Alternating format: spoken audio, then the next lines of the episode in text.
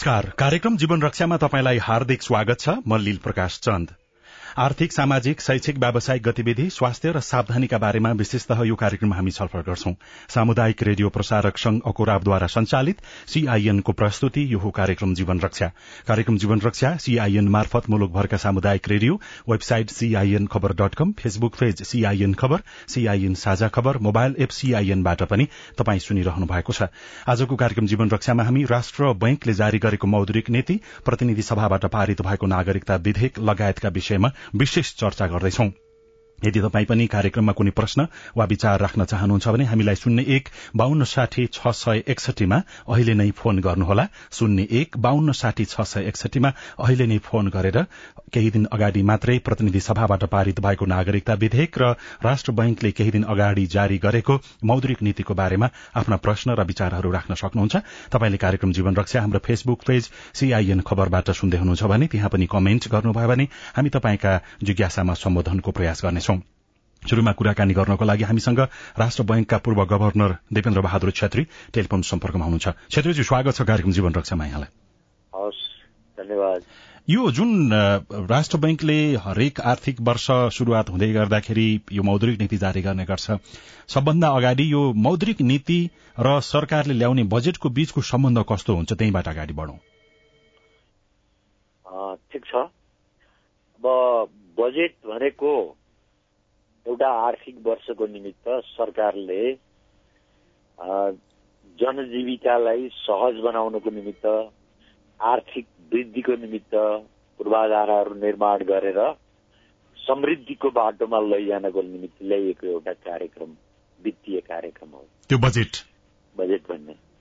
अब त्यो के हुन्छ भने उसको खल्ती रित्तै भए पनि उसले चाहिँ के भन्छ भने जनताहरूसँगबाट कर असुल गरेर विदेशीहरूसँग ऋण लिएर अनुदान लिएर भए पनि हामी चाहिँ जनताका इच्छा र आकांक्षाहरू पूरा गर्नको निमित्त कटिबद्ध रहनेछौ भन्ने वित्तीय कार्यक्रम बजेट हो होइन? अनि मौद्रिक नीति भनेको के त? भन्दा मुलुकमा विद्यमान उसमा रहेको वित्तीय स्रोत होइन? त्यो स्रोतलाई अधिकतम परिचालन गरेर सरकारका बजेट का लक्ष्यहरूलाई समेत पुरा गर्नको निमित्त अग्रसर हुने नीति। र यदा कदा बजेटले जनताहरूलाई खुसी पार्ने नाउँमा चाहिँ अधिकतम अधिक उसमा चाहिँ खर्च गर्यो। भन्नुहोस् न है। त्यो परिस्थितिमा के हुन्छ भने पैसो अर्थतन्त्रमा धेरै प्रभाव भयो र हामीले चाहिँ उत्पादन गर्न सकेनौँ अथवा अर्थतन्त्रमा चाहिँ सेवा र वस्तुको आपूर्ति पर्याप्त गर्न सकेनौँ भने त्यति बेला के हुन्छ भने मूल्य वृद्धि हुन्छ। जस्तो यो मौद्रिक नीति र बजेट भनेको बजेटलाई सहयोग गर्नकै लागि मौद्रिक नीति आउने हो कि अथवा बजेटको जाँचबुझ गर्ने र यसको आइपरेको बेलामा फेरि थप कुनै नयाँ त्यसमा निर्णय गरेर थप त्यसमा छेकबार गर्नको लागि मौद्रिक नीति ल्याउने गरिन्छ? यो खास गरेर सरकारको नीतिलाई फेसिलिटेट गर्ने कार्यान्वयन गर्ने नै हो। तर त्यसो भनिराख्दाखेरि के हुन्छ भने सरकार त जनतालाई खुसी पार्ने भन्ने नाउँमा चाहिँ प्रशस्त खर्च गर्न सक्यो भने हुनसक्छ भनेर आउँछ नि। त्यति बेला पैसाको खेलो खेलो बढ्ने तर वस्तु र सेवा चाहिँ हामीले पर्याप्त मात्रामा व्यवस्था गर्न नसक्ने अवस्थामा चाहिँ महँगी बढेर जान्छ। त्यो महँगी बढेर जानलाई रोक्नको निमित्त किन रोक्ने? भन्दाखेरि एउटा त जन जीविकाको निमित्त त्यो कष्टकर हुन्छ। अनि दोस्रो कुरो हाम्रो मुद्राको भ्यालु चाहिँ मूल्य हुन्छ नि त्यो खस्किन्छ के? त्यो खस्किन नदिनको निमित्त मौद्रिक नीतिले आवश्यक कदमहरू चाल्ने हो। अब त्यसो भए अहिलेको मौद्रिक नीति विशेष गरी मौद्रिक नीति भन्ने बित्तिकै अलिकति ठूला बडा व्यवसायी अथवा ठूलो आकारको व्यवसाय व्यापार गर्ने व्यक्तिहरूको विषयमा बढ़ी सोचिन्छ बढ़ी बहस गर्ने गरिन्छ।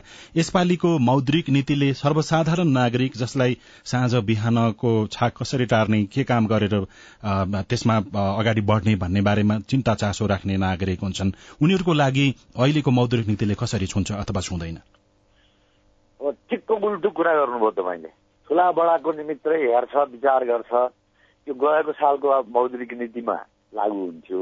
किनभने कोभिडले एकदमै गडबड गरे त्यसो भएको हुनाले हामी चाहिँ पाँच खर्बसम्म सहयोग गर्न सक्ने अवस्था छौँ है सहयोग भन्नाले नीतिभित्र रहेर होइन पुनर्कर्जा दिने अनि व्यवसाय व्यवसायलाई चाहिँ प्रवर्धन गर्नको निमित्त हुन पनि उहाँहरूले चाहिँ चार खर्ब पच्चिस अर्ब जस्तो गएको सालमा चाहिँ अर्थतन्त्रमा पैसा इन्जेक्ट गर्नुभयो है?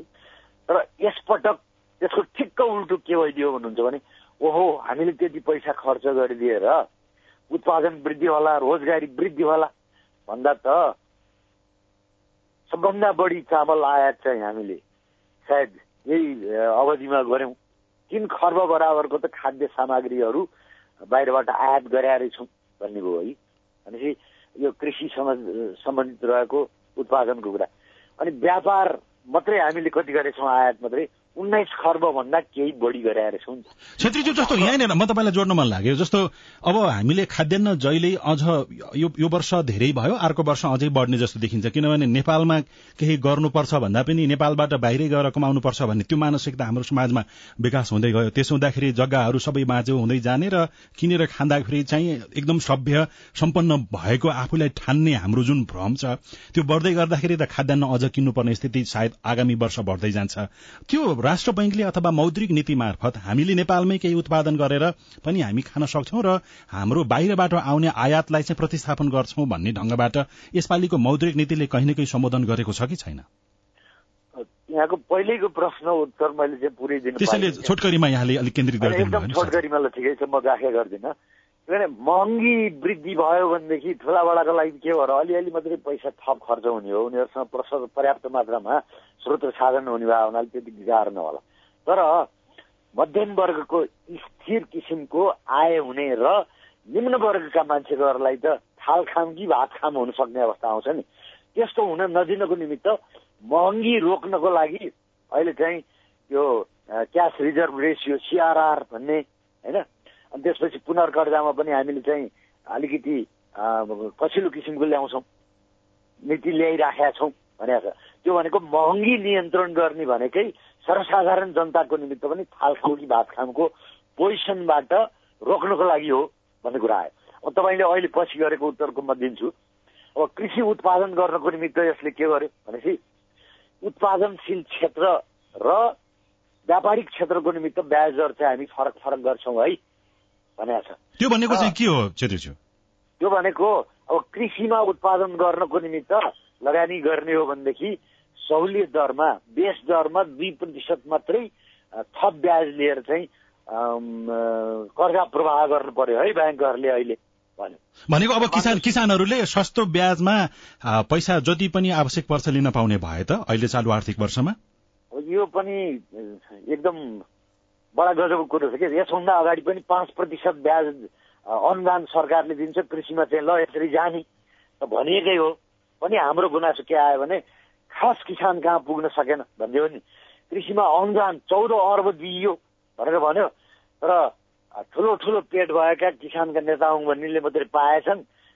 खास किसानको मात्र पुग्न सकेर रहन्छ नि त। त्यसै भएको हुनाले त होला हामीले त्यति आयात गर्नु पर्यो भन्ने। त्यसो भएको हुनाले खालि गफ गरेर मात्रै हुँदो रहेछ। होइन?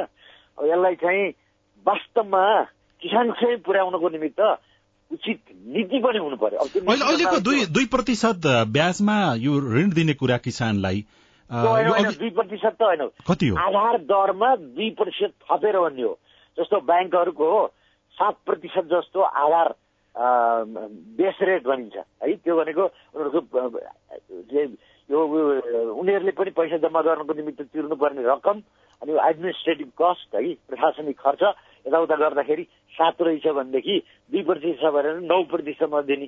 तपाईँले बजारमा जानुभयो भने त छत्तिस पर्सेन्ट भन्छन् नि होइन? चौबिस पर्सेन्ट भन्छन् नि।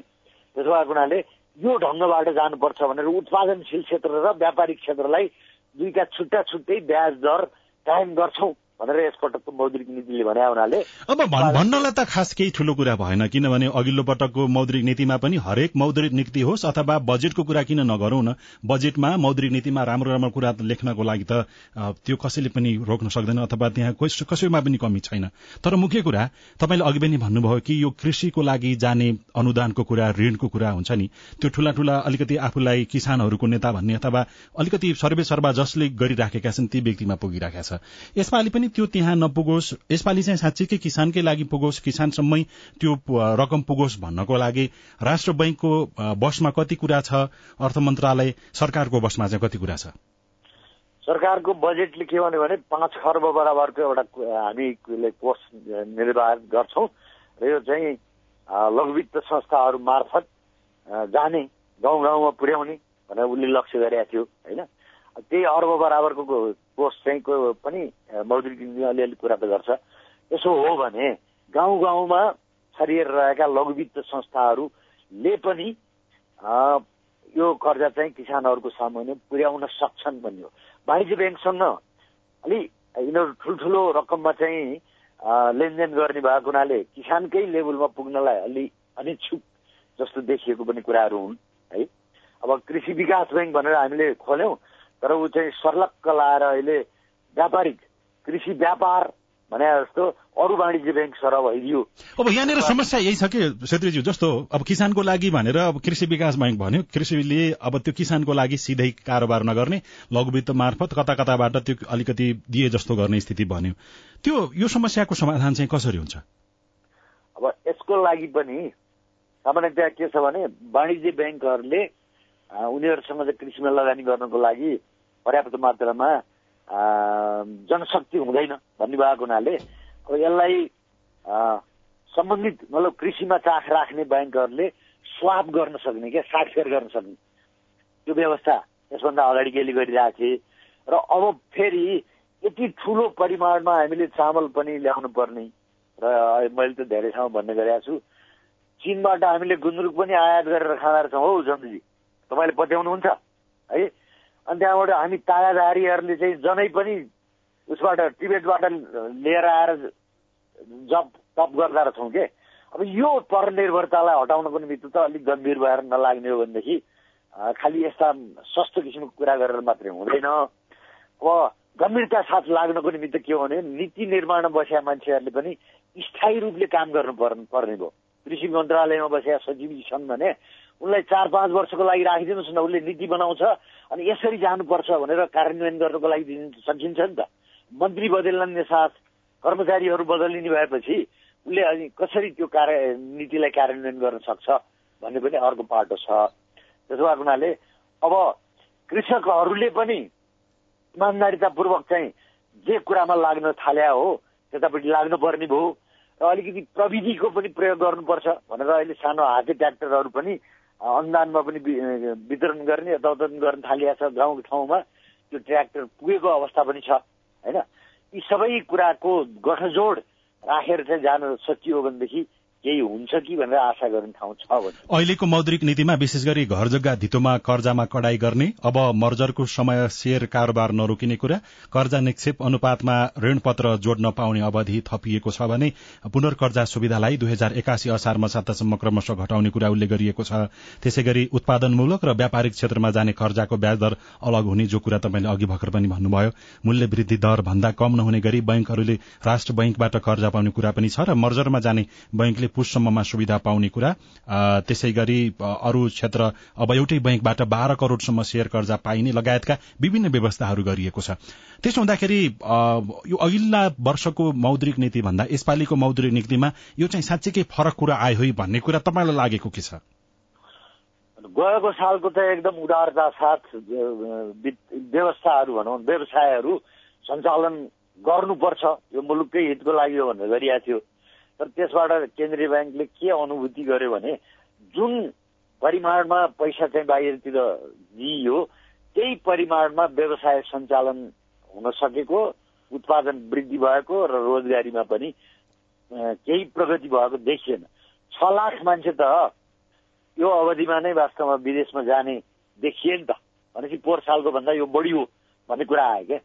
अनि उत्पादनकै विषयमा कुरा गर्ने हो भने पनि आयात बढेर चाहिँ उन्नाइस खरब पुग्यो। त्यो खाद्यान्न मात्रै होइन अरू अरू पनि छन् होइन?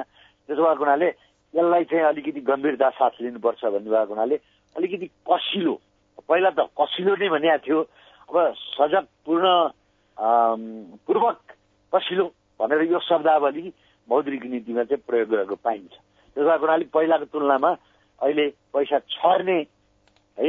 अनि सजिलैसँग चाहिँ मान्छेहरूले पाउन सक्ने अनि पाइसिदिएपछि अलिअलि जग्गा जोडौँ भन्ने अनि अलिअलि एउटा मोटर भए पनि चढेर हिँडौँ भन्ने यस्तो कुरो चाहिँ यसपटकको मौद्रिक नीतिले अनुमति दिया छैन भन्ने मेरो प्रभाव मलाई लागेको इम्प्रेसन हस् धेरै धन्यवाद छ यहाँलाई समयको लागि र यो कुराकानीको लागि।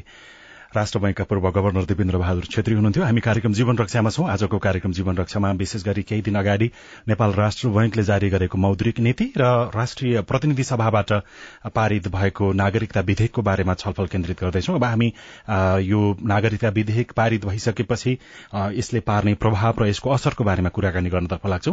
त्यसबारेमा कुराकानी गर्नको लागि नेपाल बार एसोसिएशनका पूर्व महासचिव लीलामणि पौडेल अहिले हामीसँग टेलिफोन सम्पर्कमा हुनुहुन्छ। विशेष गरी यो नागरिकता विधेयक पारित भइसकेपछि यसले मध्य क्षेत्रमा वर्षौंदेखि नागरिकता विहीन हुनुपर्ने जुन समस्या थियो यसलाई कति सम्बोधन गर्छ र बाहिर अहिले चर्चा भए जस्तो चुनाव केन्द्रित भनेर पनि यो नागरिकता विधेयक ल्याएको भनेर ठिका टिप्पणी र आलोचना भइराखेको छ। त्यसबारेमा पनि आजको कार्यक्रम जीवन रक्षामा हामी छलफल गर्नेछौ र विशेष गरी नागरिकता विधेयक अब राष्ट्रिय सभा आजको राष्ट्रिय सभाको बैठकमा प्रस्तुत हुँदैछ। राष्ट्रिय सभाबाट पारित भएर राष्ट्रपतिले प्रमाणीकरण गर्नुभयो भने यो नागरिकता विधेयक कार्यान्वयनमा जान्छ। त्यसबारेमा कुराकानी गर्नको लागि नेपाल बार एसोसिएशनका पूर्व महासचिव लीलामणि पौडेल टेलिफोन सम्पर्कमा हुनुहुन्छ। पौडेलजी स्वागत छ कार्यक्रम जीवन रक्षामा यहाँलाई।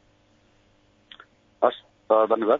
यो नागरिकता विधेयक पारित भयो। नागरिकता विधेयक अहिले जुन राष्ट्रिय सभाबाट त पारित हुन बाँकी छ र प्रतिनिधि सभाले यसलाई पारित गरेको छ। के छ नागरिकता विधेयकमा? हेर्नुहोस् यो नागरिकता विधेयक नेपालमा राजनीतिक दलहरूलाई जहिले पनि एउटा भोट ब्याङ्क कसरी सुरक्षित गर्ने कसरी आफू राष्ट्रवर्ता राष्ट्रवादी दुईटा महासचिवज्यू हामीलाई सुन्दै हुनुहुन्छ तपाईँको आवाज कटेर आइरहेको छ कोही श्रोता सम्पर्कमा हुनुहुन्छ म उहाँको प्रश्न के छ लिइहाल्छु त्यसपछि तपाईँसँगको कुराकानीलाई निरन्तरता दिनेछु। हेलो हेलो नमस्कार कृष्ण बानी। हजुर सिन्धुपाल्चोकबाट हजुर कृष्णजी के छ? तपाईँको प्रश्न हामीले विशेष गरी नागरिकता विधेयकको बारेमा अहिले कुराकानी गर्दैछौँ। हामीसँग नेपाल बार एसोसिएसनका पूर्व महासचिव हुनुहुन्छ। के छ तपाईँको प्रश्न? विचार राख्नु छोटकरीमा। छोटकरीमा भन्नुपर्दा अब नागरिकता विधेयक जुन अहिले आएको छ नागरिकता विधेयक जुन आउनुपर्ने थियो त्यसको लागि खुसी व्यक्त गर्न चाहन्छु। र अब अहिले यो भाइगेरमा चाहिँ जुन अक्षर लेख्ने भनेको छ त्यो विषय त्यो विषयमा पनि खुसी व्यक्त गर्न चाहन्छु। नागरिकता नागरिकता विधेयकमा तपाईँको के छ विचार राख्नु छोटकरीमा मुद्राको विषयमा यो विषयमा उत्पादनलाई बढावा दिनको लागि बढी भूमिका खेल्नको लागि पर्छ। यसमा चाहिँ कसरी चाहिँ एउटा उत्पादनलाई बढावा दिएर निर्यातलाई बढी चाहिँ प्राथमिकता दिएर मुद्राको चाहिँ एउटा चाहिँ बढावा दिनको लागि अब अहिले चाहिँ के के गर्ने विचार छ हस् धेरै धन्यवाद छ। उहाँ सिन्धुपाल्चोकबाट हुनुहुन्थ्यो हामीले यो मौद्रिक नीतिको बारेमा केही बेर अगाडि मात्रै छलफल गरेका थियौँ। उहाँले नागरिकता विधेयक पारित भएकोमा खुशी व्यक्त गर्नुभयो। अब विशेष गरी यो जुन विधेयक आइसकेपछि पौडेलज्यू अब तपाईँले अघि यो भोट बैंकसँग जोड्ने कुरा गर्दै हुनुहुन्थ्यो। यसो भन्दै गर्दाखेरि छ लाख सात लाख नागरिक जो अनागरिक भएर बसिराखेका छन् उनीहरूको आवश्यकतालाई त नजरअन्दाज गर्न मिल्दैन नि फेरि। बिल्कुल बिल्कुल मेरो कुरा पुरा गर्न दिनु भएन म अलिकति डिस्टर्ब भयो भन्नुभयो।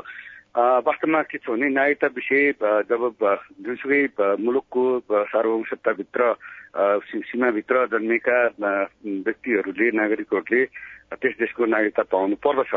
अब हामी कहाँ हामी कहाँ चाहिँ जहिले पनि खास गरेर मधेस मधेस प्रदेशका धेरै जसो नागरिकहरूलाई चाहिँ एउटा वर्णगत हिसाबले पनि सायद ती नेपाली होइनन् पाए बिहारतिरका हुन् भन्ने हिसाबले हेर्ने नेपाली नेताहरू पार्टीहरू अहिले पनि रहिरहे।